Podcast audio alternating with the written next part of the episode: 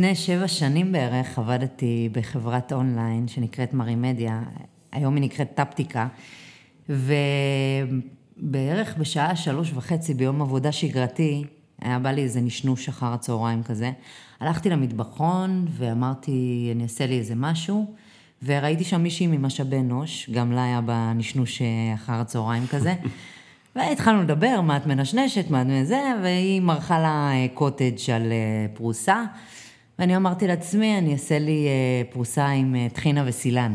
אוקיי. והיא עמדה לימיני, ואני, ומרחה לה את הקוטג' להנאתה, ואני לקחתי את הבקבוק טחינה גולמית, והבאתי לו ניעור קל כשהאצבע שלי על המכסה.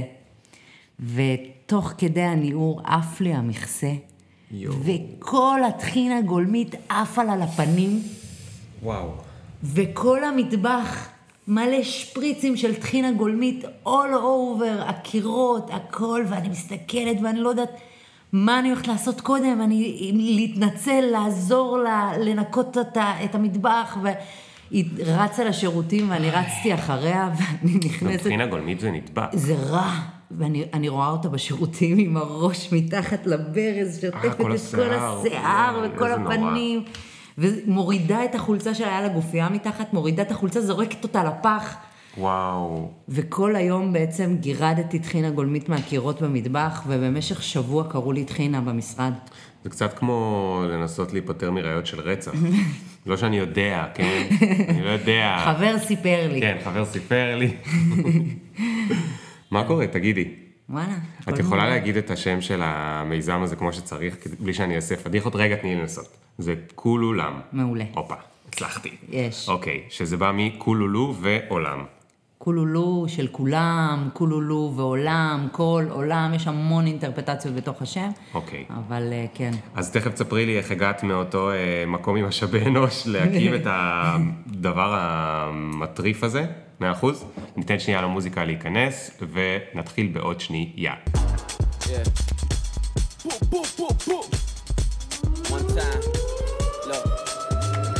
Ring the alarm, hot ass nigga. Yeah. Big ass head so my dreams get bigger. Yeah. Make campaign strong so my flows get sicker. Yeah. Confidence bigger than a drunk ass nigga. אז מה את אומרת? מה, מה, מה היה שם בטפטיקה?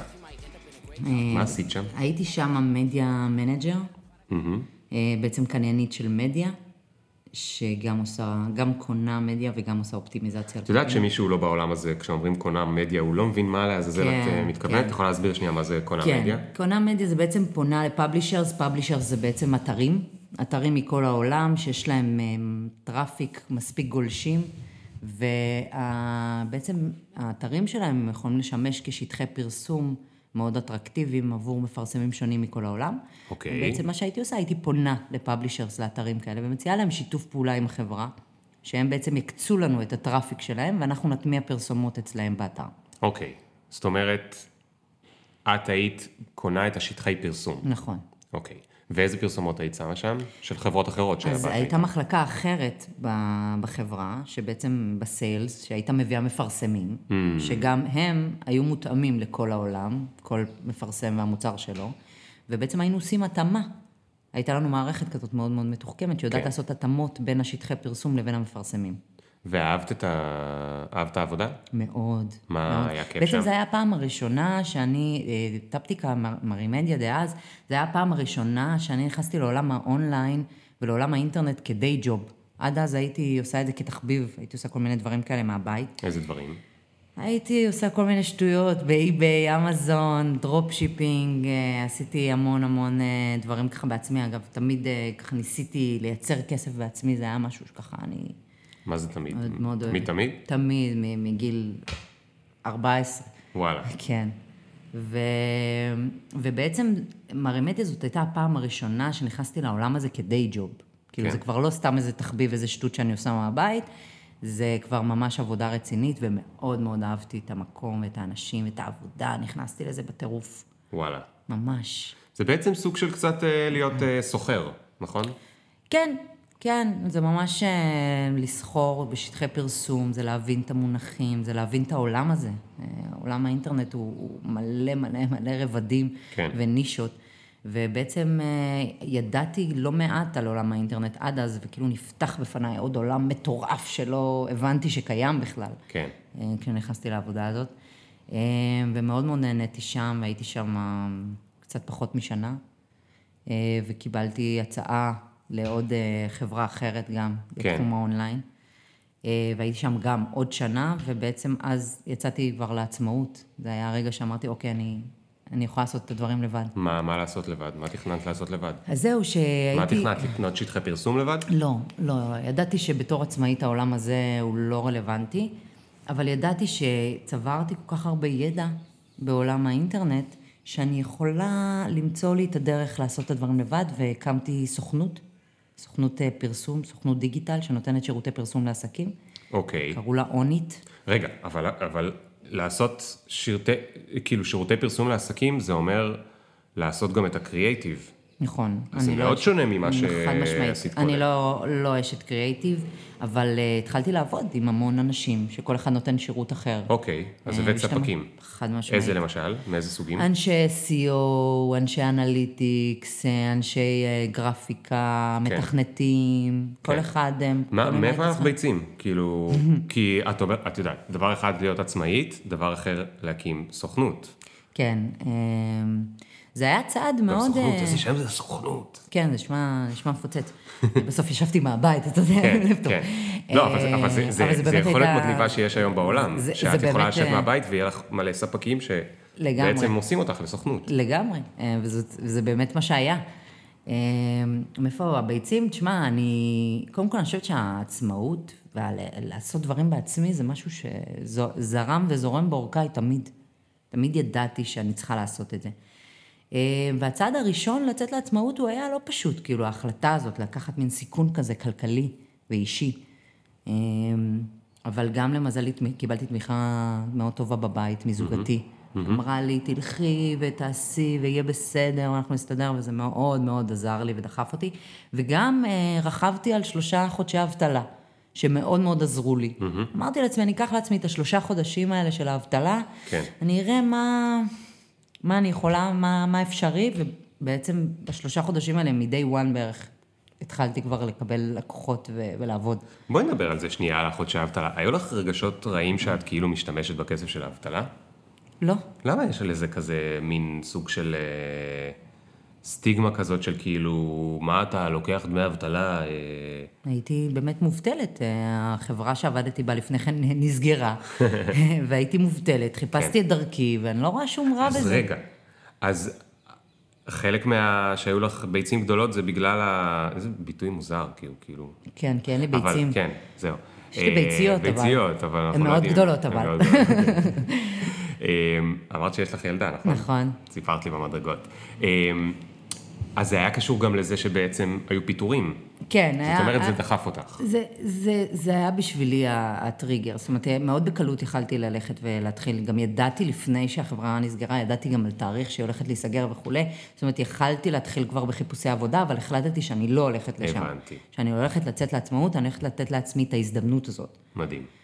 אה, הרגשתי גם שזה היה זמן בדיוק בחיים, שאם זה יקרה, זה יקרה עכשיו. אוקיי. אפשר לשאול באיזה גיל היית? כן, הייתי בת 26, 7? 26, 7, מדהים. אולי, אולי טיפה יותר. אז ככה בגיל 26-7 פתחת סוכנות דיגיטל. כן. אוקיי. יותר מאוחר, אולי 28. היו לך לקוחות uh, גדולים, קטנים, בינוניים? איזה גודל? רובם היו קטנים ובינוניים. Mm-hmm. מאולם אירועים בירושלים עד uh, מכון קוסמטיקה, רשת נעליים, רשת בגדים. Uh, בריכת הידרותרפיה, ממש מגוון ממש ממש רחב כן. של לקוחות. ש... והיה איזה לקוח שאמרת כאילו, מפחיד אותי לקחת לקוח כזה? כן. בגלל הסוג אני מתכוון? כאילו מאיפה, אוקיי, אז אולי חנות נעליים, אולי אה, אה, זה, אבל הידרו, מה אמרת רגע? הידרותרפיה. כאילו מאיפה אני יודעת לקדם הידרותרפיה? תראה, באיזשהו שלב הבנתי שזה לא כל כך משנה מה אה, הלקוח אומרת, אני קודם כל תמיד הלכתי למקום ול, וללקוח עצמו, לעסק שלו, ולהכיר אותו, ולהבין ללמוד. אותו לעומק, וללמוד אותו וכולי. אבל מבחינת העשייה שלי ברשתות החברתיות, והיכולות פילוח, היכולות תרגות וכולי, שהייתי מאוד מאוד מאוד חזקה בהן, הבנתי שזה לא כל כך משנה. זאת אומרת, הבנתי שיש נישות, נגיד, שהן יותר, יותר, אה, יותר קשות ויותר תחרותיות, כמו למשל כל הנושא שקשור לחתונות ואולמות אירועים, זה, זה תחום שהוא מאוד מאוד קשה. זה מאוד יקר אה, לפרסם אותו ומאוד קשה להשיג בו עבודה דרך הרשתות החברתיות, אבל ידעתי שאני פשוט יודעת לעשות את זה. איזה נחמד. להרגיש ככה ביטחון. כן, האמת שהיה לי ביטחון מאוד מאוד גדול, ותראה, זה לא התחיל ככה, אתה יודע, שפתאום היו לי כל הלקוחות האלה, התחיל אה, מאוד, אה, למדתי, אתה יודע, הרי לפני כן לא ידעתי לעשות קמפיינים, mm-hmm. לא ידעתי לפרסם, mm-hmm. והתחלתי ללמוד באופן עצמאי לחלוטין, איך, ממש איך דרך, למדת? דרך יוטיוב, דרך יוטיוב. כן, מדהים. How to. פשוט ישבתי ולמדתי. ואיך השגת את הספקים האחרים? אה, קבוצות בפייסבוק של מקצועות מסוימים, הרי יש טריליון קבוצות כן. פייסבוק שונות כן. ומגוונות, כל אחד בנושא אה, שיווק, דיגיטל, תכנות, אה, בניית אתרים וכו' וכו' וכו', והתחברתי לכל הקבוצות האלה. כן. ויצרתי לי שם איזושהי קליקה של אנשים שפתאום הכרתי והרגשתי בטוחה איתם ונפגשתי איתם. ו- ואיך עבדת איתם בדיוק? אה, ב retainer, על בסיס שעה, על בסיס פרויקט? מאוד כאילו? מאוד משתנה. למשל, אה, היו לי לקוחות שבמשך אה, שנים רצו איתי, ונגיד הייתי צריכה לעשות להם SEO, אז כן, היה לי retainer, ספק של retainer של SEO. לעומת זאת, אם זה היה פרויקט חד פעמי, שאני צריכה לבנות אתר למישהו ואני צריכה פה תכנות, אז זה היה פרויקטלי. כן. זה לא היה retainer. כן. אז זה מאוד מאוד משתנה. תגידי עוד שאלה לפני שאנחנו ממשיכים. את מתארת מגוון של לקוחות. עכשיו, לקוחות, יש קטע שאחרי שהם לקוח שלך, הם, יש עוד תקופה די ארוכה לפעמים, שהם מרגישים לקוח שלך. נגיד, בנית להם אתר, נכון? אז אחרי חצי שנה משהו קרה להם באתר, פתאום הם מדברים איתך, או אחרי משהו, עשית להם איזשהו בלוג וזה, או תוכן, ואחרי זה משהו שם קרה, לא יודע, זה לא נראה טוב פתאום במובייל, הוציאו גרסה חדשה של אייפון, וזה כבר לא עובד, לא יודע, כל מיני כאלה. איך התמודדת עם כאלה לקוחות שכאילו, הם כאילו כבר לא לקוחות שלך, אבל את צריכה להיות נחמדה, או לא צריכה להיות, לא יודע. אני אגיד לך מה, ויכול להיות שאני, שזאת לא הגישה הכי הכי נכונה, אבל אני תמיד, מה שהוביל אותי, זה שאני רוצה שכל הכוח שלי יצא ממני הכי מבסוט, הכי מרוצה, הכי מחוייך, שהוא קיבל את השירות הכי טוב שיש, גם אם הוא לא, אני לא באמת אמורה לתת לו את השירות עכשיו, או הוא כן. אמור לשלם לי על זה. ואתה יודע מה, זה גם תמיד חזר אליי אחר כך. זהו, כי זה נשמע נפלא, אבל זה עולה כסף מה שהרגע אמרת. תראה, קודם כל, כמובן שיש גבול. כסף, תשומת לב, אנרגיה. יש גבול ויש קו אדום, ואיזה דברים אני מוכנה לעשות ככה פרו בונו, ויש דברים אני לא. אבל אה, אם זה דברים קטנים, של, אתה יודע, רק להדריך אותו שנייה לעשות משהו, או לסדר לו איזה משהו שלי לוקח שנייה, ולא זה ייקח חודשים ואלפי שקלים, הייתי עושה את זה בכיף, באמת בכיף. נחמד. אגב, מהו קו אדום? זאת אומרת, אה, אני מתכוון מבחינת אה, תקשורת. מה זה קו אדום? יש שעות שבהם לא היית עונה לטלפון? או ימים? אה, השתדלתי מאוד לעשות איזשהו קאט, היה לי הסכם עם, עם זוגתי, שכשהיא מגיעה, עבדתי מהבית בזמנו, כשהיא מגיעה הביתה מעבודה, אז אני עוזבת את המחשב. וזה היה באזור 6-7 בערב. והיה לי מאוד קשה לעשות את הניתוק הזה מהמחשב. כן. לא, יש לך גם מחשב בטלפון, כאילו. כן, אבל אתה יודע, קמפיינים ועניינים זה לא דברים שאתה עושה דרך כן. הטלפון. לא, אבל רק שאלה קטנה של שלושת רבעי שעה. שמישהו לא. בערבים. שיחות אה, עבודה ארוכות לא היו קורות. אה, הייתי אומרת, אני מדבר מחר בבוקר והכל בסדר. אבל אני בדרך כלל תמיד הייתי עונה. והיו לך גם לקוחות, אה, כאילו נפלת גם לפעמים על לקוחות שהתגלו כחארות, סליחה כן. על המילה, כן, כן, ופיטרת לקוחות כן, פעם? כן, כן. פיטרתי, האמת, כמה וכמה פעמים. אה, לקוחות שהרגשתי שהזמן והאנרגיה שאני צריכה בשביל לטפל בהם בצורה הטובה ביותר, לא שווה את המחיר שאני מקבלת מהם ושהם יכולים לשלם לי. כן. ואיך הם קיבלו את זה? אמ, תלוי מי. הם כאילו, למד- הרגשת שהם למדו את הלקח, שהם הבינו מה הקטע? לא, אני- אני- הרבה מאוד פעמים הם באמת הבינו, כאילו, הם הבינו שהם הם פשוט לא מסוגלים כרגע לשלם את מה שהם באמת צריכים כן. או רוצים. או רוצים, וזה, וזאת בעיה של כולם, אתה יודע, הרבה מאוד, בעיקר כשאני מדברת על זה שהלקוחות שלי הם בעיקר עסקים קטנים, אז זו תמיד הבעיה. כן. מצד אחד, העסקים הקטנים האלה צריכים לקדם את עצמם הכי הרבה ולעשות המון המון עבודה. מצד שני, גם אין להם הרבה מאוד תקציב, כי הם רק בהתחלה שלהם ומאוד קטנים וכולי. כן. אז תמיד היה את הדיסוננס הזה. אמ, אבל אה, אני חושבת שכשזה, קודם כל זה לא קרה הרבה מאוד פעמים שפיטרתי לקוחות, אני חושבת שאולי שניים או שלושה בסך הכל. אבל אה, אף פעם זה לא נגמר ברע. אז תמיד היה, הייתה איזושהי הבנה. נחמד. כן. אז כמה זמן עשית את זה? עשיתי את זה בערך אה, ארבע שנים, שלוש-ארבע שנים, אה, כשבעצם המטרה שלי הייתה בסוכנות, היא להגיע לאיזשהו מצב שאני מצליחה לייצב אותה והיא עובדת יפה ונותנת לי איזשהו גב כלכלי כדי להצליח לעשות כל מיני יזמויות מהצד. אה, זה היה אסטרטגי. זה היה אסטרטגי לחלוטין. אבל רגע, שנייה, לא מסתדר לי. את אמרת שהסוכנות שלך היית, לא ש... זה לא ששכרת עובדים, אלא היית עובדת עם כל מיני פרילנסרים אחרים, נכון? בדיוק. ואת זאת שבסוף מנהלת את היומיום. נכון. ואת השוטף ועובדת מול הלקוחות. נכון. אז מתי בדיוק יהיה לך זמן ליוזמיות אחרות? היה לי המון זמן, ידעתי לנהל את זה טוב מאוד, וגם באיזשהו שלב זה הפך להיות מכונה די משומנת. זה נחמד. כן, ממש. אה, הרבה מאוד פעמים בסוכנות הגעתי לנקודה שבה זה צומת דרכים כזאת של אני לא יכולה לקחת עוד לקוחות, זה כאילו או שאני יוצאת מהבית, פותחת משרד, מביאה עובדים עכשיו וזה, או שאני נשארת בבית, לא לוקחת את העוד לקוח הזה, ו- ועדיין, אה, כן. ועדיין ממשיכה בשלי. וכל פעם הסיבה שלא יצאתי החוצה ולא פתחתי משרד, זה כאילו עצרתי ואמרתי והסתכלתי ואמרתי, איך, איך זה יהיה עוד עשר שנים? כאילו, אם, אם אני באמת עושה את הצעד הזה, איך זה יהיה? ואז ראיתי את עצמי במשרד עם סוכנות ועובדים, וסוכנות שעובדת יחסית טוב ויפה, ואמרתי, זה לא מה שאני רוצה זה לעשות. זה לא מה שאני רוצה. אוקיי, לא. אז מה כן רצית? מה זה יוזמויות, כאילו, מכל מיני... ידעת בכלל מה, או שאמרת, אני לא יודעת אפילו מה, אבל אני... אני לא ידעתי מה. קודם כל, תמיד ידעתי שאני רוצה להיות חלק ממשהו ש, שיתפתח ויהיה גדול. אני רוצה לעשות משהו, אני רוצה להיות חלק מאיזשהו פרויקט, מאיזשהו מיזם. משהו שימשוך אותי, ש, שיסעיר אותי, שירגש אותי, ש... כן. מה שהסוכנות לא עשתה, היא לא כן. ריגשה אותי. כן. בהתחלה כן, אחר כך כבר ממש לא. ואוקיי, אז מה היו הצעדים האקטיביים שעשית? אה, הצעדים האקטיביים שעשיתי הם, קודם כל, הרבה מאוד דברים ניסיתי לעשות בעצמי. התחלתי להקים, נגיד, אה, כל מיני אתרים שיהיו אפילייטס אה, לאמזון. ממש התחלתי כאילו להיכנס לכל מיני נישות שונות ומגוונות, לבדוק את עצמי, לראות מה זה אומר, מה זה אומר, איך זה. ותוך כדי קלטתי שיש לי המון המון ידע וניסיון בעולם האינטרנט. זאת אומרת, אני כבר יודעת כל מקום, איך, מה, כמה ולמה.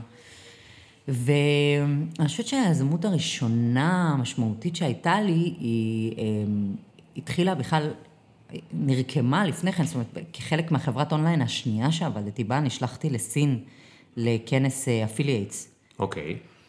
ויצאה איזושהי סיטואציה אה, קצת הזויה, מצחיקה, שביום האחרון שלי שם, במלון, לפני ש... אחרי שעשיתי צ'ק אאוט, לפני שבאים אה, לאסוף אותי לשדה תעופה, ישבו איתי שתי סיניות, שדוברות אנגלית בצורה מאוד מאוד אה, רהוטה, שזה די נדיר. Mm-hmm. והתחלנו לדבר, והתגלגלנו בשיחה, והם שמעו שאני מישראל, והם מאוד מאוד התלהבו, ואמרו לי, בואי נעשה משהו ביחד. אוקיי. Okay. עכשיו, מצאו למי להגיד את זה, כן. אני רק, אה, אתה יודע. אמרתי להם, בשמחה, בואו נעשה משהו ביחד, והחלפנו טלפונים, והתחלנו להתקשקש ככה ביחד, ומערכת יחסים מאוד מאוד ארוכה, ובזמן הזה במקביל באמת גם החברת אונליין נסגרה. והם אמרו לי, בואי אה, נפתח חנות אונליין בסין, mm-hmm. עם מוצרים מישראל. Nice. Nice. Very nice. והתחלנו לחשוב על איזה סוגי מוצרים יכולים לעבוד וכולי, ואז התחלנו אה, אה, אה, לנסות תכשיטים של מעצבות ישראליות. אוקיי. Okay.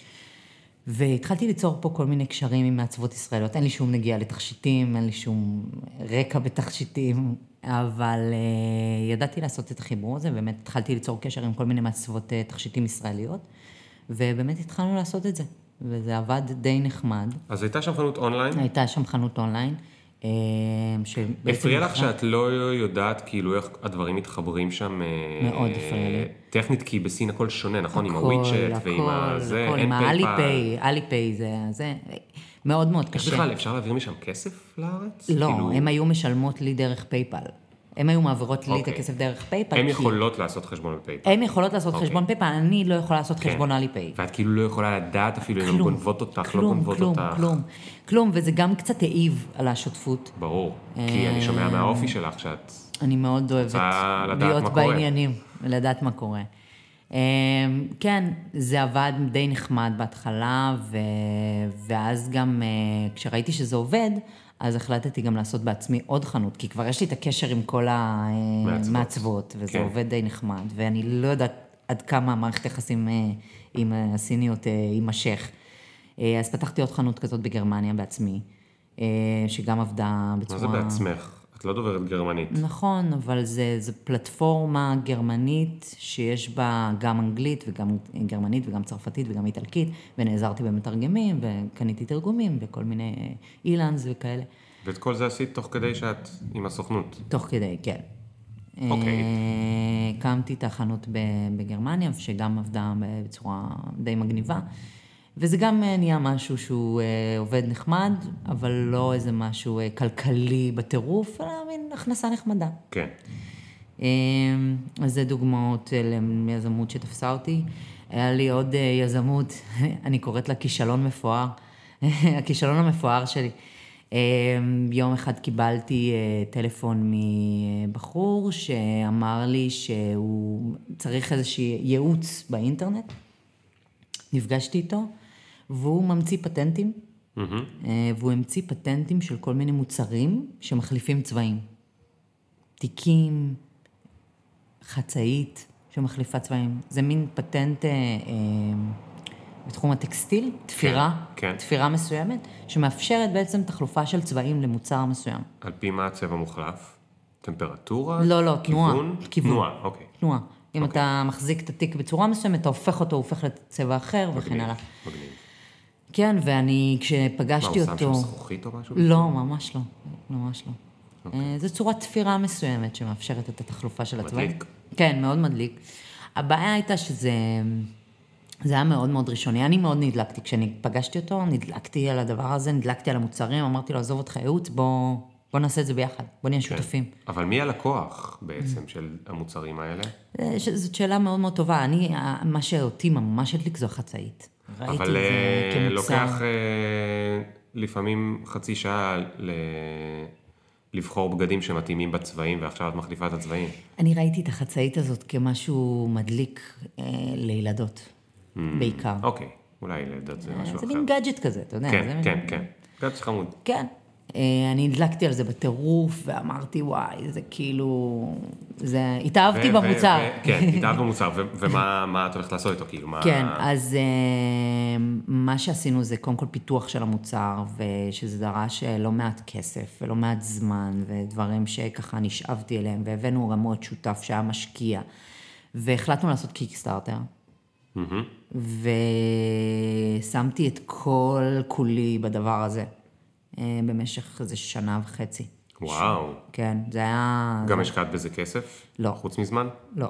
אוקיי, השקעתי טוב. בזה זמן, אה, הבאתי משקיע שהוא השקיע את הכסף, אה, והעלינו את מה זה... זה לכיס. הבאתי משקיע?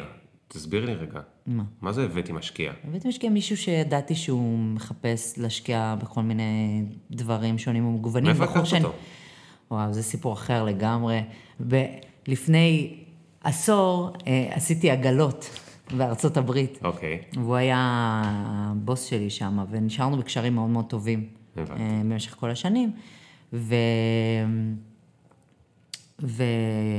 והתחברנו, היינו מחוברים כל הזמן הזה, והצעתי לו להיכנס אה, כן. כמשקיע בדבר כן. הזה, והוא אה, מאוד התלהב גם, ונכנס.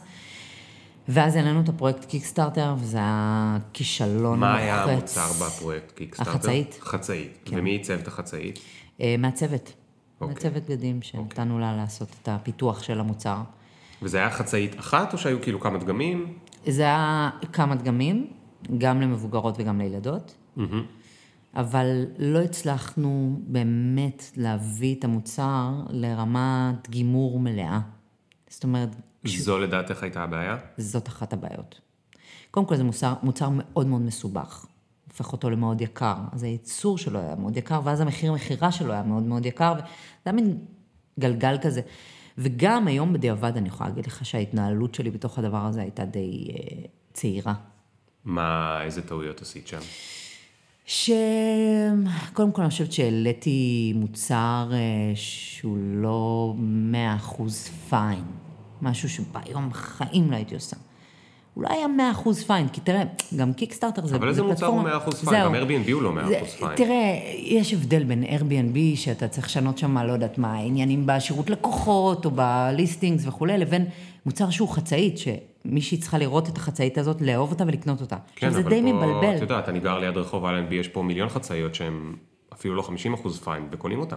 כן, אבל כשאתה מוכר מוצר בקיקסטארטר זה די מבלבל, כי מצד אחד זו פלטפורמה שאמורה לדחוף יזמים ולהגיד, אוקיי, בוא תציג את המוצר שלך, גם אם הוא לא 100% פיין, אבל בואו תאמינו בי, בואו תשקיעו בי, ואני אהפוך אותה להיות פיין. כן. אבל בתכלס, באמת של החיים, אנשים קונים דרך העיניים, ו- וקשה לקנות משהו, בטח כשהוא בתחום האופנה, שזה לא תחום שהוא חזק בקיקסטארטר, ובכלל במימון המונים. כן. אה, זה תחום שהוא דל מאוד. אה, קשה לקנות משהו שהוא לא מאה אחוז. מעניין. כן, אז... מה אה, עוד?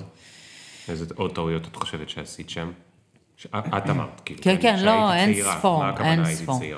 אמ, אני לא חושבת שמספיק הבנתי גם איך נכון לעשות פרויקט מימון המונים, ופרויקט מימון המונים צריך לבוא, זה מצחיק, אה, זה- זה די אה, סתירה, אבל צריך לבוא עם הרבה כסף. אה, צריך להשקיע במדיה המון המון כסף בקיקסטארטר. כן. אה, זה משהו שלא הבנתי, ולא השקעתי מספיק כסף במדיה, כי הייתי כל כך בטוחה, כל כך מאוהבת במדיה, במוצר. תסבירי מה את מתכוונת במדיה, שוב, אנשים שלא מכירים. כן. במדיה את מתכוונת בפרסומות, בפייסבוק, בלקדם את הקמפיין, בקידומים. כן. בדיוק, בלקדם באופן ממומן את הקמפיין בכלל הרשתות החברתיות, כן. ו, ובאמת אה, להרים אותו כמה שאפשר ולגרום לכמה שיותר מכירות דרך ה Kickstarter בסופו של דבר. כן. אה, זה לא קרה. וזה היה Kickstarter, קיקס, זה לא היה כן, כן. הדסטארט, לא, לא, לא, Kickstarter האמריקאי. כן, כן. טוב, זה באמת, כן. הוא כבר מזמן לא במשחק הזה. כשהוא התחיל, הדסטארט היום אפשר להרים מאהבת הקהל. זה עדיין עבודה של 24/7. כן. אבל אולי לא צריך להשקיע יותר מדי כסף. אה, אול- כנראה תלוי במוצר גם. אם זה נכון. אופנה, אז כנראה שצריך, כי זה פשוט, אנשים קונים עוד. כן, אה, אבל התחום של אופנה במימון המונים הוא מאוד, הוא לא, הוא לא מפותח. וואלה. הוא כמעט ולא לא אני קיים. בקיקסטארטר יש כל הזמן עכשיו נעליים שמנסים למכור לי, ותיקים, וחגורות. כן, אבל אם תשים לב, הנעליים והתיקים הם, הם מאוד אה, הייטקיסטים כאלה, הם תמיד עם איזשהו גאדג'ט בפנים, Mm. איזשהו משהו בפנים, תיק שאי אפשר לגנוב ממך, והוא כן. נפתח ככה, והוא נסגר ככה, נעליים שמרימות אותך גבוה יותר, כל מיני עם דברים. צורכים שנסגרים ועושים לך חביתה. כן, אה, איך התאוששת מזה? זה היה, זה היה קשה. איך החלטתם שזה. נגמר? הפרויקט... כמה שאלות יש לי? יש לי עוד מלא. מה אה, נעשה? איך אה, נגיע לכולם? איך אה, אמרת, מי החליט שהוא עוזב קודם? שזה היה ברור על כולם בבת אחת. תראה, הפרויקט נכשל, ו... אבל התחלנו לקבל כל מיני פניות מכל מיני אנשים ש... ש... שראו עני- עניין בדבר הזה. אז הפרויקט עוד נמשך קצת אחרי, אבל נפשית, אני הייתי שבורה ממש. הייתי, הייתי כל בוקר קמה, ואתה יודע, אתה רואה את הבקרס בטלפון, את כמות הבקרס. הייתי... סקר זה אלה שבחרו להשקיע מי, ש, בפרויקט. מי שכן, מי שרכש את החצאית בעצם דרך הפרויקט Kickstarter. והייתי קמה בבוקר ו, וכמעט ולא רואה backers, ולפעמים אפילו רואה refunds של אלה שכן תמכו לפני כמה וואו. ימים, והייתי באמת בוכה, literally. אה, הייתי ממש בדיכאון מהדבר הזה, זה היה משבר מאוד גדול בשבילי. כמה ניסיתם לגייס? ניסינו לגייס 50 אלף דולר לדעתי. כן. 50 אלף דולר. הרבה כסף. הרבה כסף. כן, האמת שהיום שוב, בדיעבד, יש שם כל כך הרבה טעויות אה, צעירות. כי גם, אה, תראה, מבין שלושת השותפים אני זאת שהובלתי את זה. ובתכלס לא היה לי מספיק ידע בנושא. כן. אבל זה היה. ניסיון. היו פה, היו פה שני אה, פודקאסטים כבר עם מימון המונים, אולי יותר, אני לא זוכר. אחד עם דניאל ברקת, מהחבר'ה שעושים את השוקולד הטבעוני. לא מכירה? אה, הם עשו שוקולד טבעוני, וזה כאילו ההדסטארט הכי מצליח בארץ, או אי פעם, אוקיי. או זה וזה, חמוד, הם פשוט הביאו את כל הקהילה הטבעונית, ועבדו בזה 24/7. והיה את יניב טרוס, שהמומחיות שלו אה, זה לקדם קמפיינים כן. בקיקסטארטר, ושניהם פתחו את העיניים, אבל בטח שעוד יותר טרוס במובן הזה של מימון המונים זה נורא רומנטי, כי כאילו יש לי רעיון ואז כולם יעזרו לי לגייס אליו כסף ואני אצליח זה וזה, ובעצם זה כאילו משהו שבטח היום אחרי כמה שנים שהפלטפורמות האלה עובדות, של מקצוענים, צריך לדעת לעשות את זה, יש תחרות מטורפת, כולם רוצים מימון המונים, וזה הפך להיות בסוף עוד ערוץ מאוד מאוד מסובך. כן, תראה, היום, אה, אה, קודם כל, אני למדתי לא מעט מתרוס. אה, יש לו, לדעתי, אולי הכי הרבה ידע בעולם הזה של מימון המונים בארץ לפחות.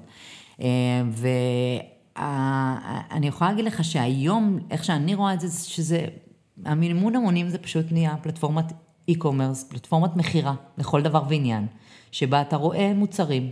כאלה ואחרים, והאם אתה מחליט לרכוש אותם ולהיות מה-early adapters אז אתה רוכש אותם ואתה יודע שאתה תקבל את המוצר בעוד חצי שנה, אם בכלל. Mm-hmm.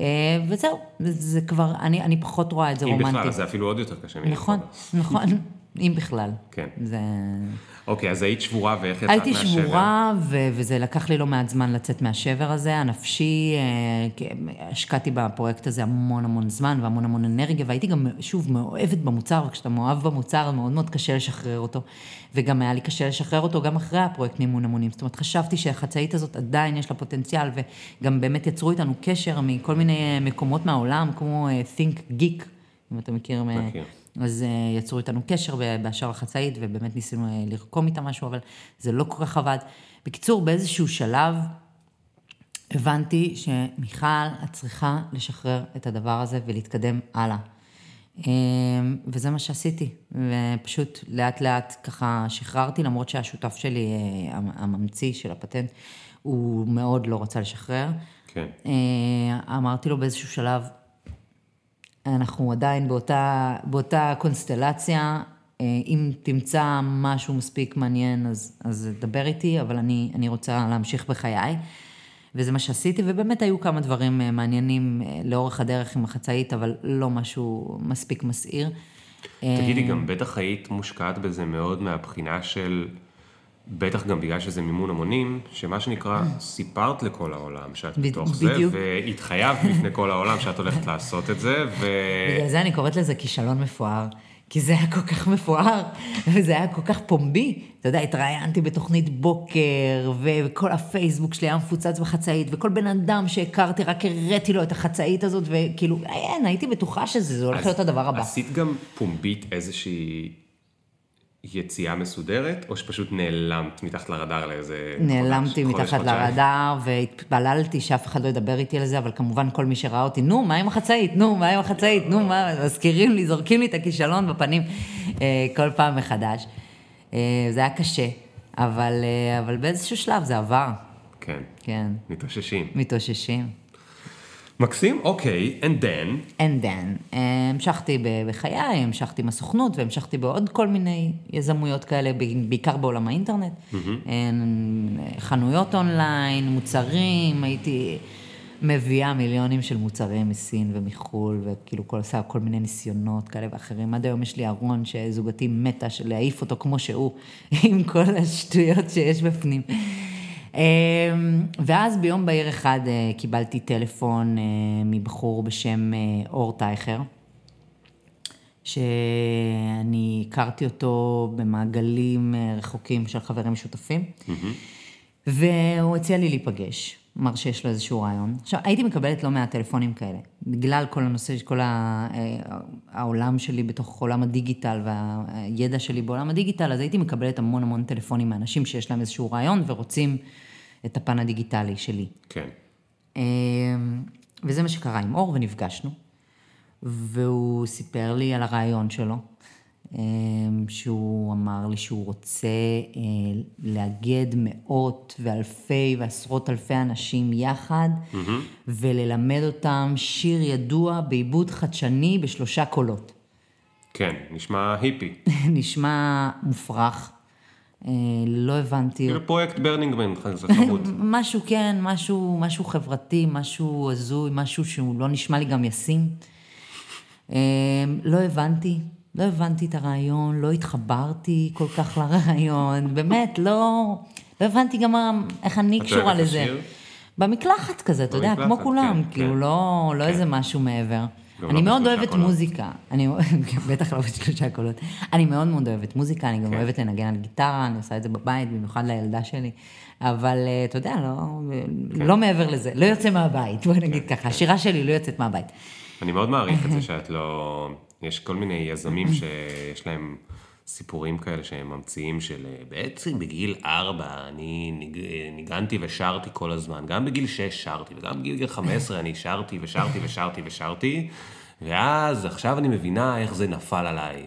אה, וחלקם אה, צודקים, חלקם אומרים את זה זה, אבל עם חלקם אתה לא כל כך אמין. אז אני שמח שלא המצאת לעצמך איזה סיפור כזה. לא, לא, אז ממש איך לא. בכל זאת, אה, אם הוא לא עניין, כאילו... אז, אז מה- מה גרם לך להמשיך לדבר איתו יותר משיחה אני אחת? אגיד לך מה, התשוקה שלו, משהו בתשוקה שלו ובצורה שהוא דיבר על זה, משהו סחף אותי, משהו אמר לי כזה, מיכל, זה מסוג הדלתות שאת לא רוצה לסגור. מה? איך? אבל על בסיס מה? לא אמרת לו, על בסיס תחושה, מה אתה מדבר? תחושה. תחושה? נטו תחושה.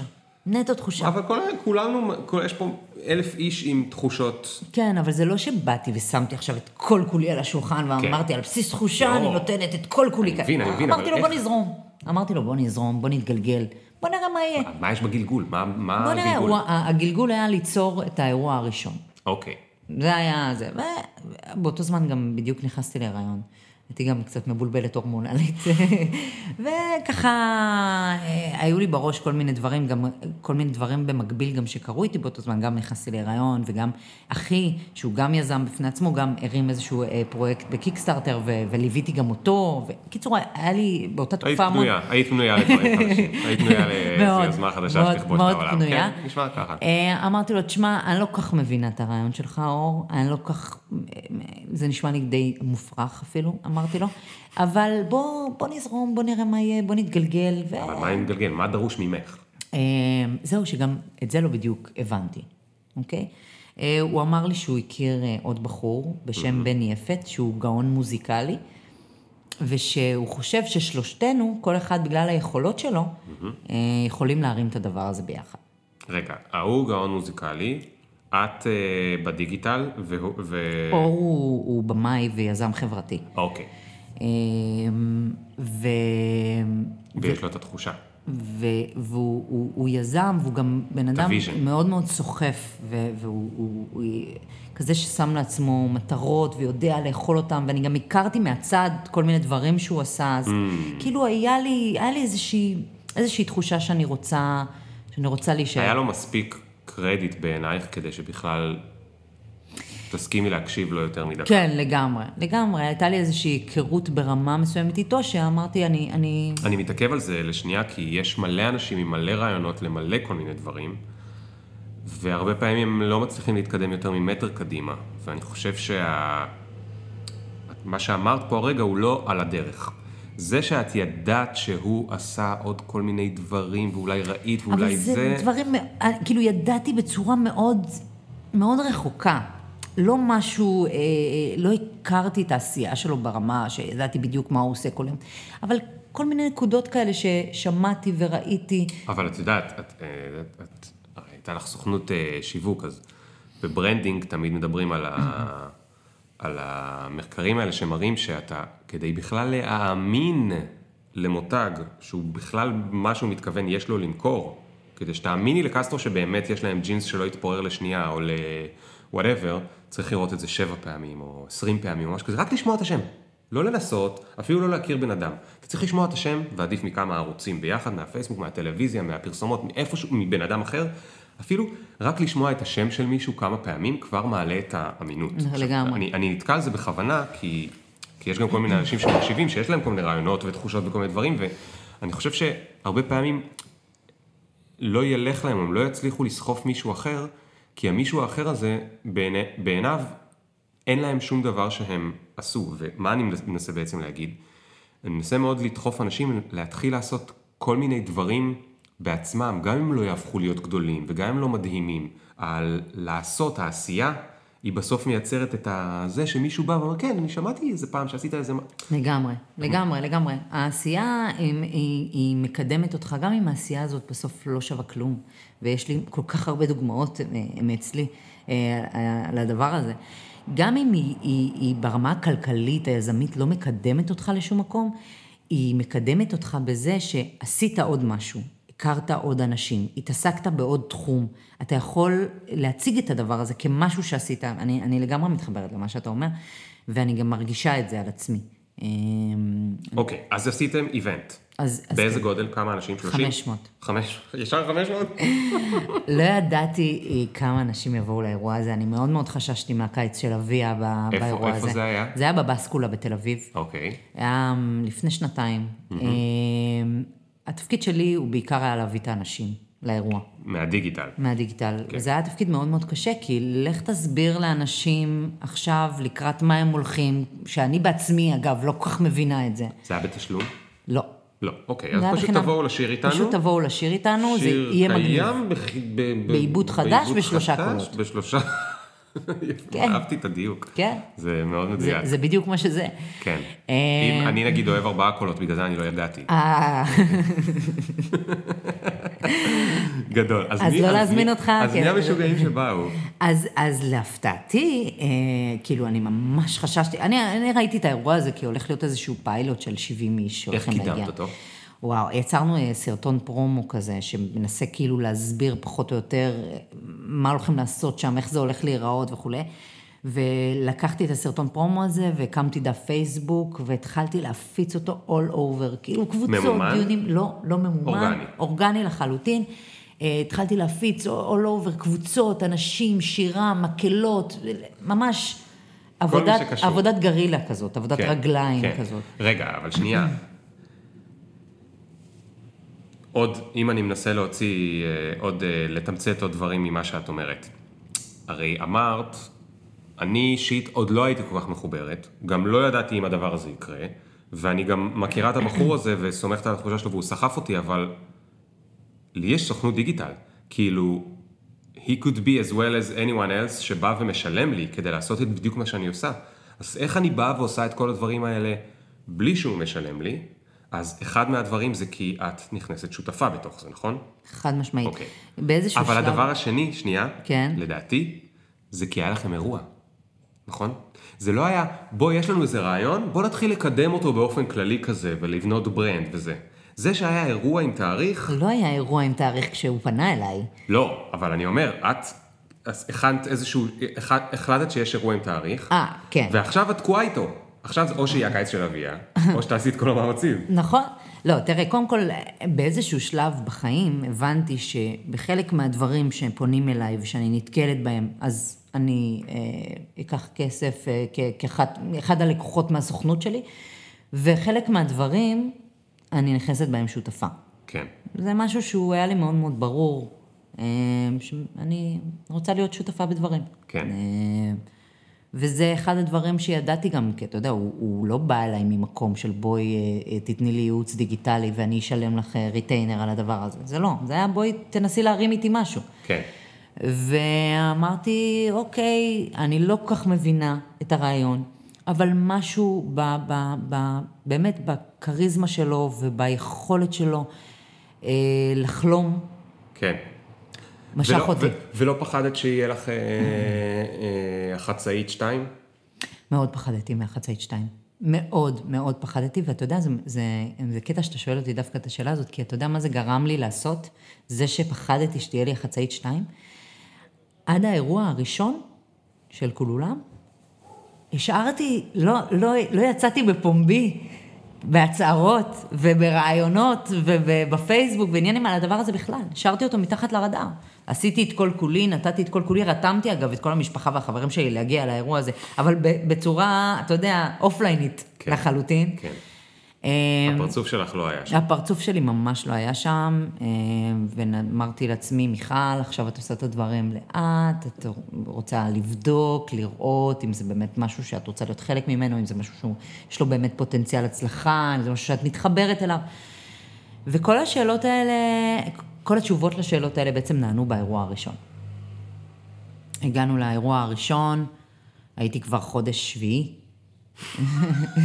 שכחתי כבר, היית כן, תוך כדי. כן, כן, אה, עברה איזושהי, ח- עברה חצי שנה בערך מאז שנפגשנו בפעם הראשונה ועד שבאמת אה, עשינו את הפיילוט, וואו. כן. אה, שוב, שכל החצי שנה הזאת זה לא הייתה עבודה, אתה יודע, נונסטופ כן, על כן, זה, זה. היה כזה פה ושם וזה. פלירטוטים. ו- פלירטוטים, בדיוק, פלירטוטים עם המיזם. וכמה זמן עבדתם על האירוע עצמו? כאילו, כמה זמן קידמת את האירוע עצמו? חודש? חודשיים? משהו כמו חודש לדעתי, אוקיי. אני לא אוקיי. זוכרת. אז זה כבר התחמם, זה כבר הלך להיות. זה, זה כבר התחמם, זה כבר הלך להיות, ואז הגענו ליום של האירוע, הגענו לבסקולה בתל אביב, אני כבר חודש שביעי, ואנחנו כל החבר'ה שרתומים לדבר הזה מההפקה נמצאים בתוך האולם, הגענו כבר לשעה כמעט שמונה בערב, פתיחת דלתות, ואמרתי, אני אצא שנייה החוצה לשאוף אוויר, אמ, אני פותחת את הדלת לצאת החוצה מהאולם, והייתי בשוק ממה שקורה בחוץ. היה תור לאורך כל הרחוב בחוץ. וואו. נכנסתי בבהלה פנימה, ואמרתי לאור ובן, אמרתי להם, תקשיבו, יש תור מטורף בחוץ. צילמת? בטח צילמתי, בטח צילמתי, ופתאום, זה היה הרגע הראשון שאמרתי, אוקיי, זה כבר לא איזשהו פיילוט של 70 איש, יש פה איזה 500 איש שעומדים בחוץ. אה, אמרתי, אוקיי, בואו, בוא, אה, כאילו פתאום נכנסתי למוד אה, דרוך כזה, של אוקיי, מה, מה, מה הולך להיות פה הערב, מאוד מעניין. אה, חשוב לציין, אתה יודע, שגם כשיש לך שני שותפים שבאים מעולם האומנות, הם אמנים, ואני לא, ממש לא, אז היה לי מאוד קשה להבין גם מה אנחנו הולכים לעשות הערב. זאת אומרת, לא, לא לגמרי, לא לגמרי הצלחתי לדמיין את זה ולהבין את זה. גדול. ו... ואז התחיל האירוע, ובן, אה, שהוא באמת גאון מוזיקלי, אה, הוא גם יזם חברתי, והוא גם גאון מוזיקלי, הוא מל- מלחין ומנצח, והוא, פתאום ראיתי אותו על הבמה, איך שהוא מלמד. רגע, שנייה, את לא ראית אותו לפני זה על הבמה? בשום פנים ואופן, בשום צורה. אני לא מאמין. בחיים לא ראיתי אותו על במה. ככה קידמת את כל הדבר הזה בלי... אה, אה, עם... אה, וואו. כן, לא ראיתי אותו על במה לפני כן. אה, יש לנו גם את הסיפור המאוד מצחיק, שאני אה, ב- לפני האירוע, כשראיתי את התור המטורף בחוץ, אז נכנסתי פנימה ואני אומרת לבן, תגיד, ניצחת פעם על אה, כמות כזאת של אנשים? אז הוא אומר, תראי, אה, פחות או יותר. אז אה, אמרתי לו, מה, 100, 200, אה, 30? 30. כזה. אז, אה, אבל הוא, הוא עשה את זה בגאון, הוא היה פשוט מדהים. אני נשוויתי בקסמו, ואור היה בקונסולה, הרי את כל האירועים שאנחנו אנחנו מצלמים, אה, ועורכים לקליפ, שזה חלק אה, נכבד מכל אוקיי. אולם, נושא הקליפים. כן. אז הוא היה בקונסולה. הוא היה בקונסולה. בואי תסבירי לנו מה זה קונסולה. קונסולה כי זה נשמע כמו סוג בעצם. קונסולה זה בעצם אה, אה, control כזה, מין אה, עמדת control שבה שולטים על כל האירוע. הבמאי בעצם יושב שם עם אוזניות, והוא מחובר גם למנצח וגם לצלמים, והוא יודע לתת להם הוראות ולכוון אותם, ועכשיו תצלמו פה ועכשיו תצלמו שם. אוקיי. והקהל צריך ככה, והוא מרגיש את הקהל, הוא מרגיש את האירוע, ויודע לנהל אותו בעצם מאחורי הקלעים. כן. וראיתי איך אור מתפעל את הדבר הזה, הסתכלתי עליו ופשוט נפעמתי מה, מה, מהיכולות המדהימות, מהשליטה, מהשפה, ממש התרשמתי בטירוף. וראיתי את בן על הבמה, איך שהוא מוביל את האנשים, ואיך שהוא מדבר אליהם בצורה כל כך רגישה ונעימה, ועם זאת אסרטיבית. וככה לאט לאט האירוע התקדם, וכאילו למדתי אותם, כל אחד במקצוע שלו, והבנתי ככה מי, מי נגד מי.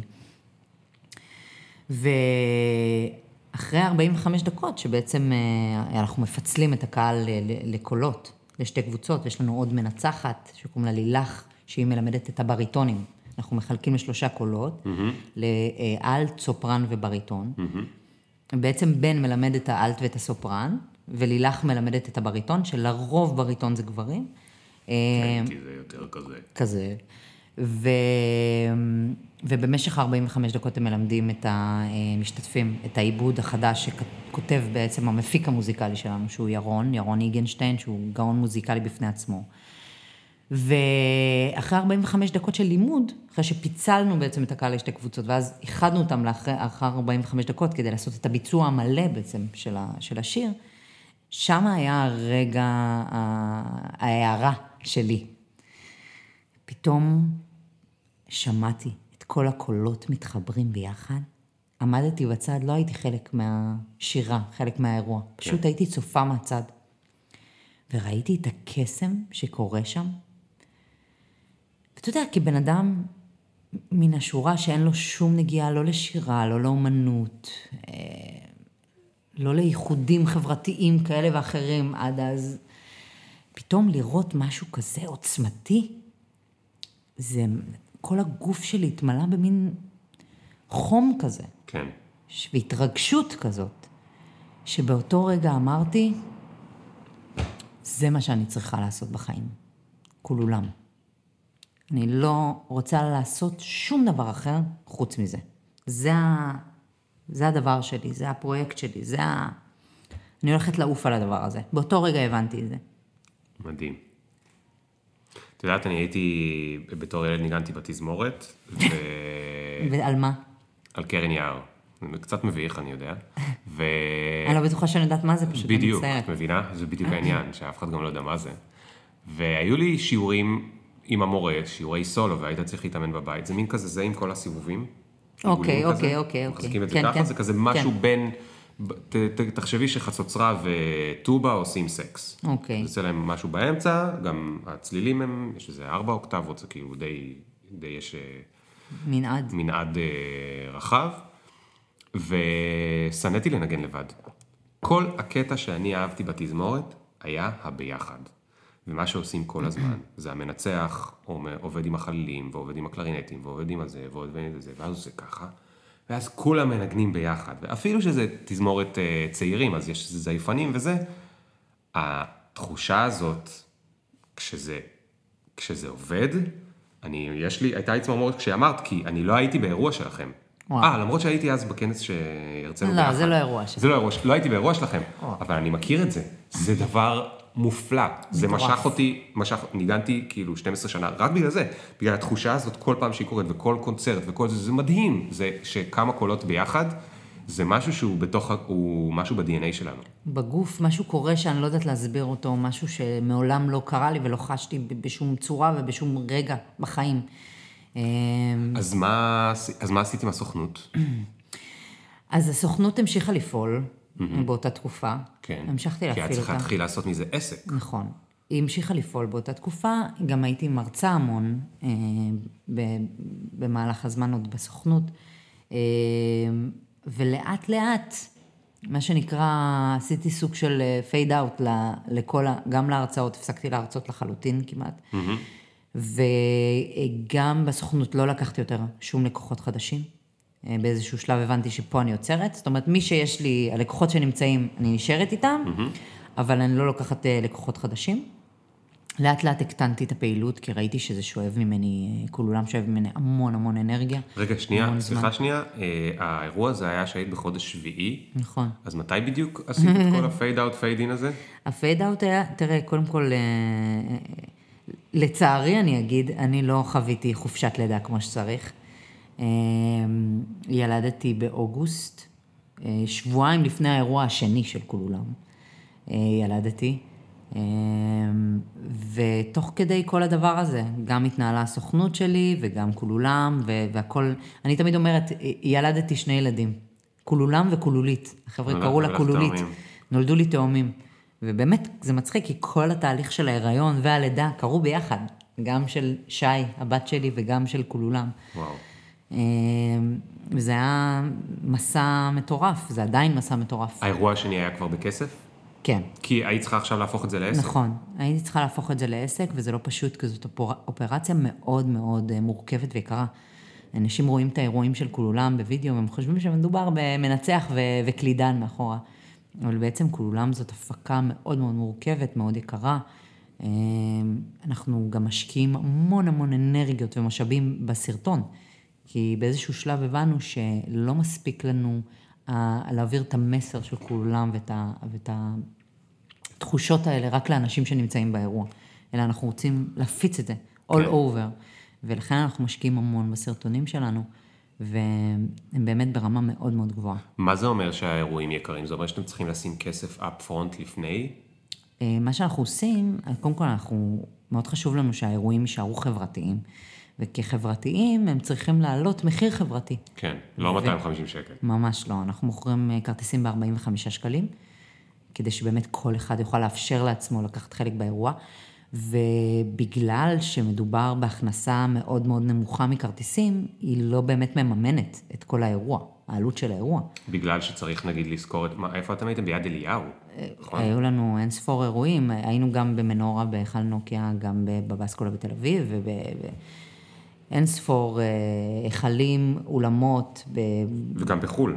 וגם בחו"ל, עד היום עשינו אירוע אחד בחו"ל, בדרום אפריקה, אבל אה, לפנינו עוד לא מעט כאלה. אמ, אז, מה אתם, אז איך אתם מממנים את זה? אז זהו, אז אנחנו תמיד, כל אירוע ציבורי שלנו, אנחנו בעצם מתחברים עם שותף, mm-hmm. שהוא אה, בדרך כלל שותף חברתי, אה, ושהוא רוצה לקדם את אותה אג'נדה של אותו אירוע, והוא בעצם מממן את שאר העלויות של האירוע. אז הוא הספונסר. אנחנו לא קוראים לזה ספונסר, לא בגלל ש... Okay. אוקיי. לא בקטע של פוליטיקלי קורקט, בקטע של... זה לא שהוא בא, שם כסף והולך, הוא באמת שותף. Mm. אנחנו בונים ביחד okay. אוקיי, את האירוע, okay. אוקיי. את התוכן. הוא גם עוזר להביא קהל. לא נעים לי להגיד, אבל לא צריך כל כך לעזור אה, להביא קהל בכל אולם.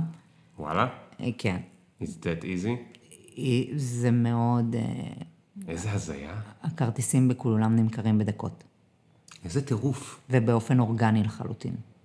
אז גם לא צריך לשלם על קידום. לא, לא הוצאנו שקל על קידום עד היום. וואו. איזה טירוף, אה? טירוף. מה היה האירוע הכי גדול? 12 אלף איש. בהיכל אה, נוקיה ביום העצמאות לפני שנה, יחד עם אה, נשיא המדינה ויחד עם המשרד לשוויון חברתי ועיריית תל אביב, עשינו אירוע מאוד מאוד גדול. אה, שלומי שבת היה אמן אורח, עשינו שם קונספט קצת אחר.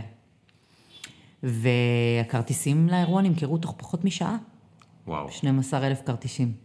שזה היה אירוע מספר כמה?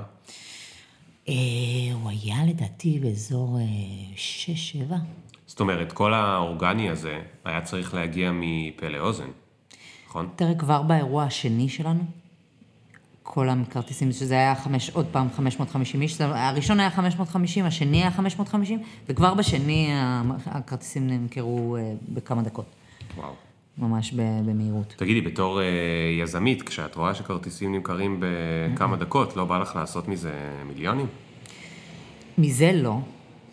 אמ, לא בא לי לעשות. זו בכוונה הייתה שאלה קצת פרובוקטיבית. כן, לא, לא, אני מבינה. תראה, אה, אני... האירועים הציבוריים בכולולם, זו הסיבה לשמה יצאנו לדרך, וזה המהות של כולולם, וזה באמת לתת פלטפורמה לאנשים ללא רקע במוזיקה, אנשים שלא מכירים אחד את השני, אה, מקום לשים את כל האג'נדות הפוליטיות, טרדות היום-יום, לשים את הכל בצד, פשוט לבוא, לשיר ביחד. אמ, על, על חשבון דבר כזה אני ממש לא, לא רוצה לעשות מיליונים. אמ, אני חושבת שזה גם יאבד מה, מה, מהיופי של. למה? איזה, תחשבי איזה עולם מקסים זה היה, אם היה אפשר גם לעשות את זה וגם לעשות מזה אחלה רווח. אז לא? קודם כל אנחנו מתפרנסים... זה לא אחד נגד השני. אנחנו מתפרנסים מאירועים פרטיים. אוקיי, אנחנו עושים שני סוגים של אירועים, אירועים ציבוריים שהם mm. לציבור הרחב ולרווחת הציבור, כן. והם לא למטרות הרווח בכלל. אה, ואירועים פרטיים שמהם אנחנו מתפרנסים, יש לנו באמת פריבילגיה לדעתי מאוד מאוד גדולה שאנחנו יכולים להתפרנס ממשהו שעושה באמת טוב לאנשים. אתם עדיין רק שלושה? כן. ולעולם תהיו רק שלושה? לא יודעת. כי אה, אה, אה, סיפרת שאתם מתחילים להיות בחו"ל. נכון. איך קיבלת את ההזמנה הראשונה לחו"ל? וואו, ההזמנה הראשונה, תראה, אנחנו מקבלים מאות, מאות, מאות של פניות. מאות? מאות. וואו. מאות של פניות, ולא סיימתי את המשפט, מדי שבוע. וואו. מאות. מאות של פניות מדי שבוע מכל העולם. מכל העולם. אני אפילו לא זוכרת מה הייתה הפנייה הראשונה לחו"ל, כי באמת הייתה כל כך מזמן, והן היו כל כך רבות, הפניות. אמ, מה שכן, אה, יחסית לכמות הפניות, אה, שוב, זאת אופרציה, להטיס אותנו לחו"ל, זה, זה משהו יקר. Mm-hmm. אבל אה, זה קורה. במרץ הקרוב אנחנו הולכים לעשות את האירוע הגדול ביותר שעשינו עד היום, 18 אלף איש, כחלק מוועידת אייפאק. וואלה. בוושינגטון. כן. וואו. כן, וואו. כן. איזה טירוף. ממש טירוף. את ממש. מתרגשת? וואו, אני מה לא במרץ? נושמת. מרץ זה תכף. נכון, סוף אה, זה מרץ, תכף. ב-24 נחמד למרץ. שהיה לך זמן לפגוש אותי. מה, מה תפקידך לעשות את הדבר הזה? כאילו, את באופרציה? את ב... אני- במה בדיוק שם את, את אני, כאילו... אני אחראית על כל מה שהוא לא אמנות. אה, כל ה... מה זה, אבל הרוב זה לא אמנות, סליחה.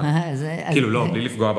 לא, לא חייבים. אותם, אבל יש האומנות- המון. האומנות יש היא- הפקה, יש אופרציה, יש דיגיטל, יש אה, אה, תאומים, יש... קודם כל, יש לנו כבר צוות, צוות שעובד, אני לא עושה הכל לבד, אנחנו לא עושים שלושתנו הכל לבד, יש לנו אבל כבר אמרת שאתם צוות. רק שלושה. לא, שלושה שותפים. אה, אוקיי. חשבתי, סליחה, אז לא, אנחנו שלושה ממש... שותפים. כן, אנחנו שלושה שותפים, אבל ממש לא, יש לנו צוות גדול.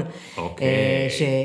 אה, שבקור שלו אה, מונה עשרה אנשים, ובאירועים הוא יכול להגיע עד מאה אוקיי. עובדים שעובדים באירוע, ממש ממש לא לבד. יש לנו צוות מובחר ונבחר, ממש, כל אחד עושה...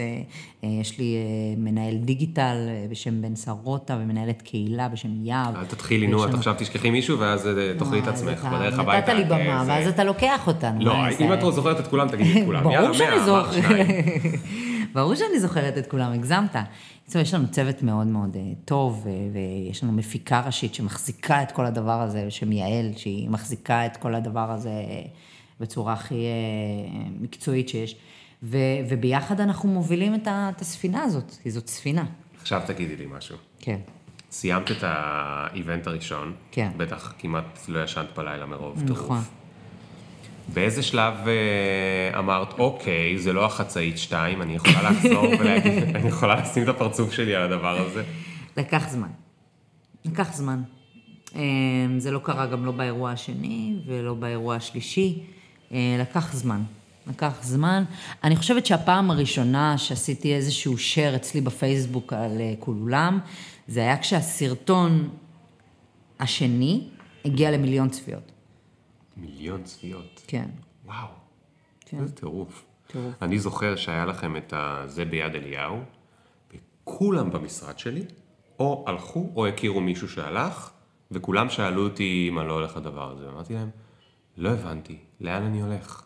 אז אמרו, אה, יש איזה משהו ביד אליהו וכולם שרים ביחד.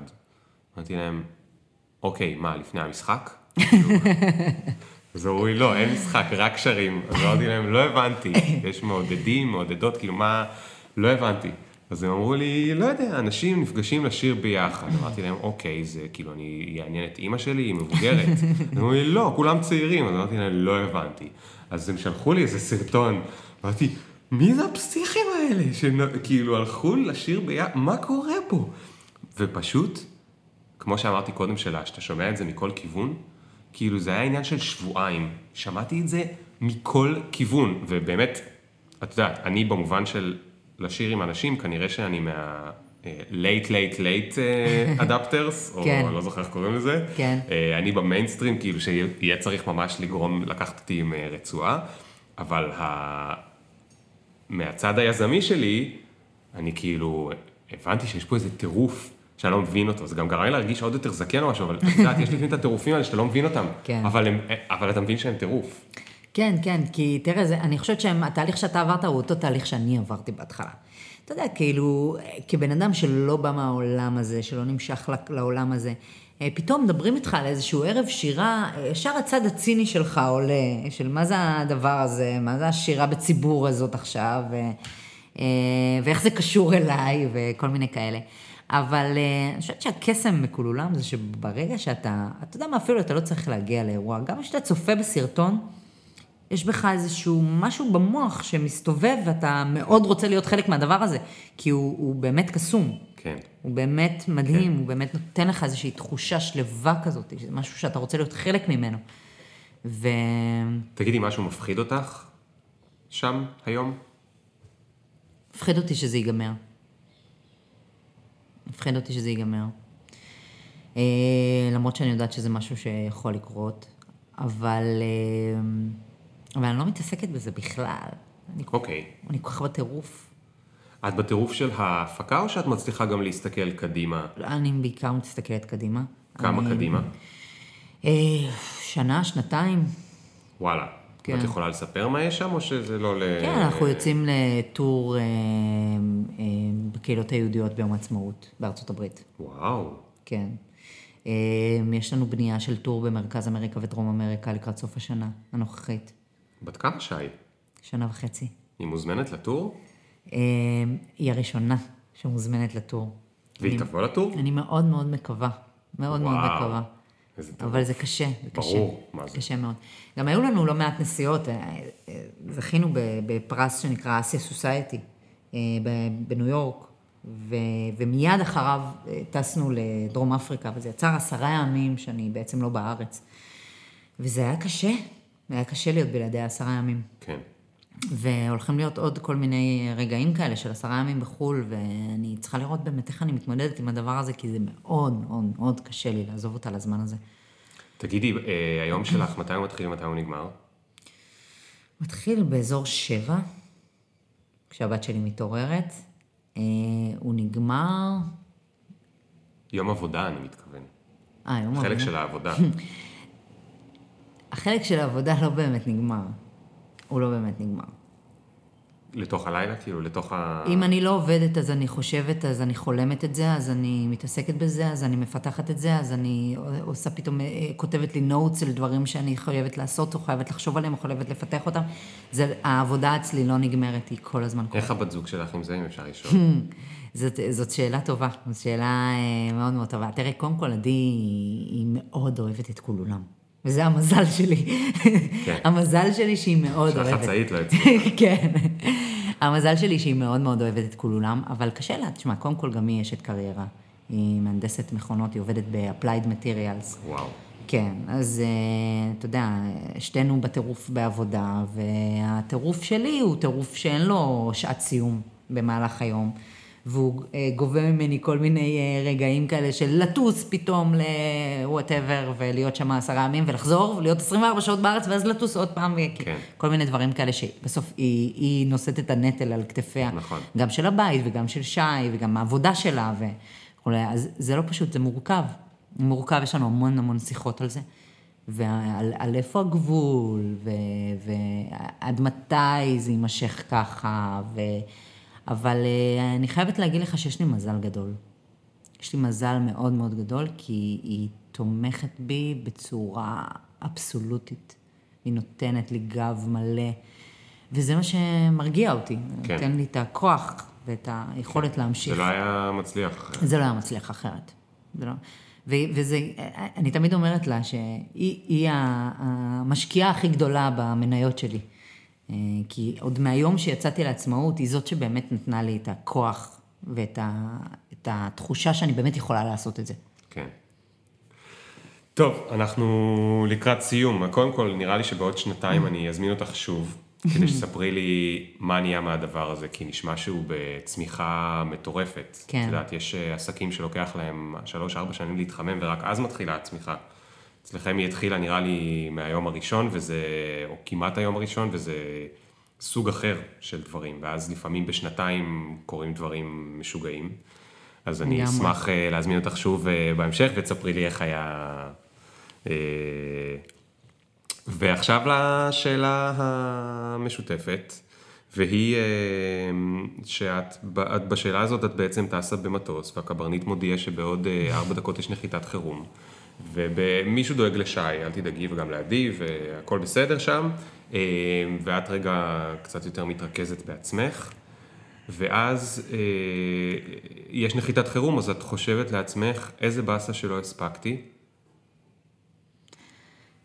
איזה באסה שלא הספקתי להרחיב את המשפחה שלי עם עדי, ואיזה באסה שלא הספקתי לראות את שי גודלת, ולשחק איתה שחמט, ולעשות איתה כל מיני דברים שממש בא לי לעשות איתה. איזה כיף. זה... כן. את חושבת שהיא תהיה גאה באימא שלה, או שהיא תכעס על אימא שלה שהיא עסוקה? אני חושבת שהיא תהיה גאה בי. זה, תדע לך שהרבה מאוד מהדברים שאני עושה ביום-יום, אני חושבת על מה שי, איך שי הייתה רואה את זה, איך היא, איך היא תראה את זה בעתיד, מה היא תחשוב על זה. אה, כי מאוד מאוד חשוב לי לשמש לה דוגמה לאישה שעובדת ויוזמת ולא מפחדת בעולם שהוא מאוד מאוד גברי. והרבה מה, מהמוטיבציה שלי ומהדלק שלי זה הדוגמה שתהיה לה בבית. איזה כיף. טוב, מדהים, תודה רבה רבה רבה. תודה לך, ליאור, היה לי כיף. ועל זה גם לי היה מאוד כיף. נשארתי עם מלא שאלות, אבל כל כך הרבה שאלות שאנחנו פשוט נצטרך לעשות עוד פרק. בכיף. אוקיי? אז בפעם הבאה. בשמחה. ביי, תודה רבה. אה, אני מזכיר לכם שזה פרק 116 או 17, או 15. וגם שתהיו ילדים טובים ותלכו לשיר בשלושה קולות. ביי.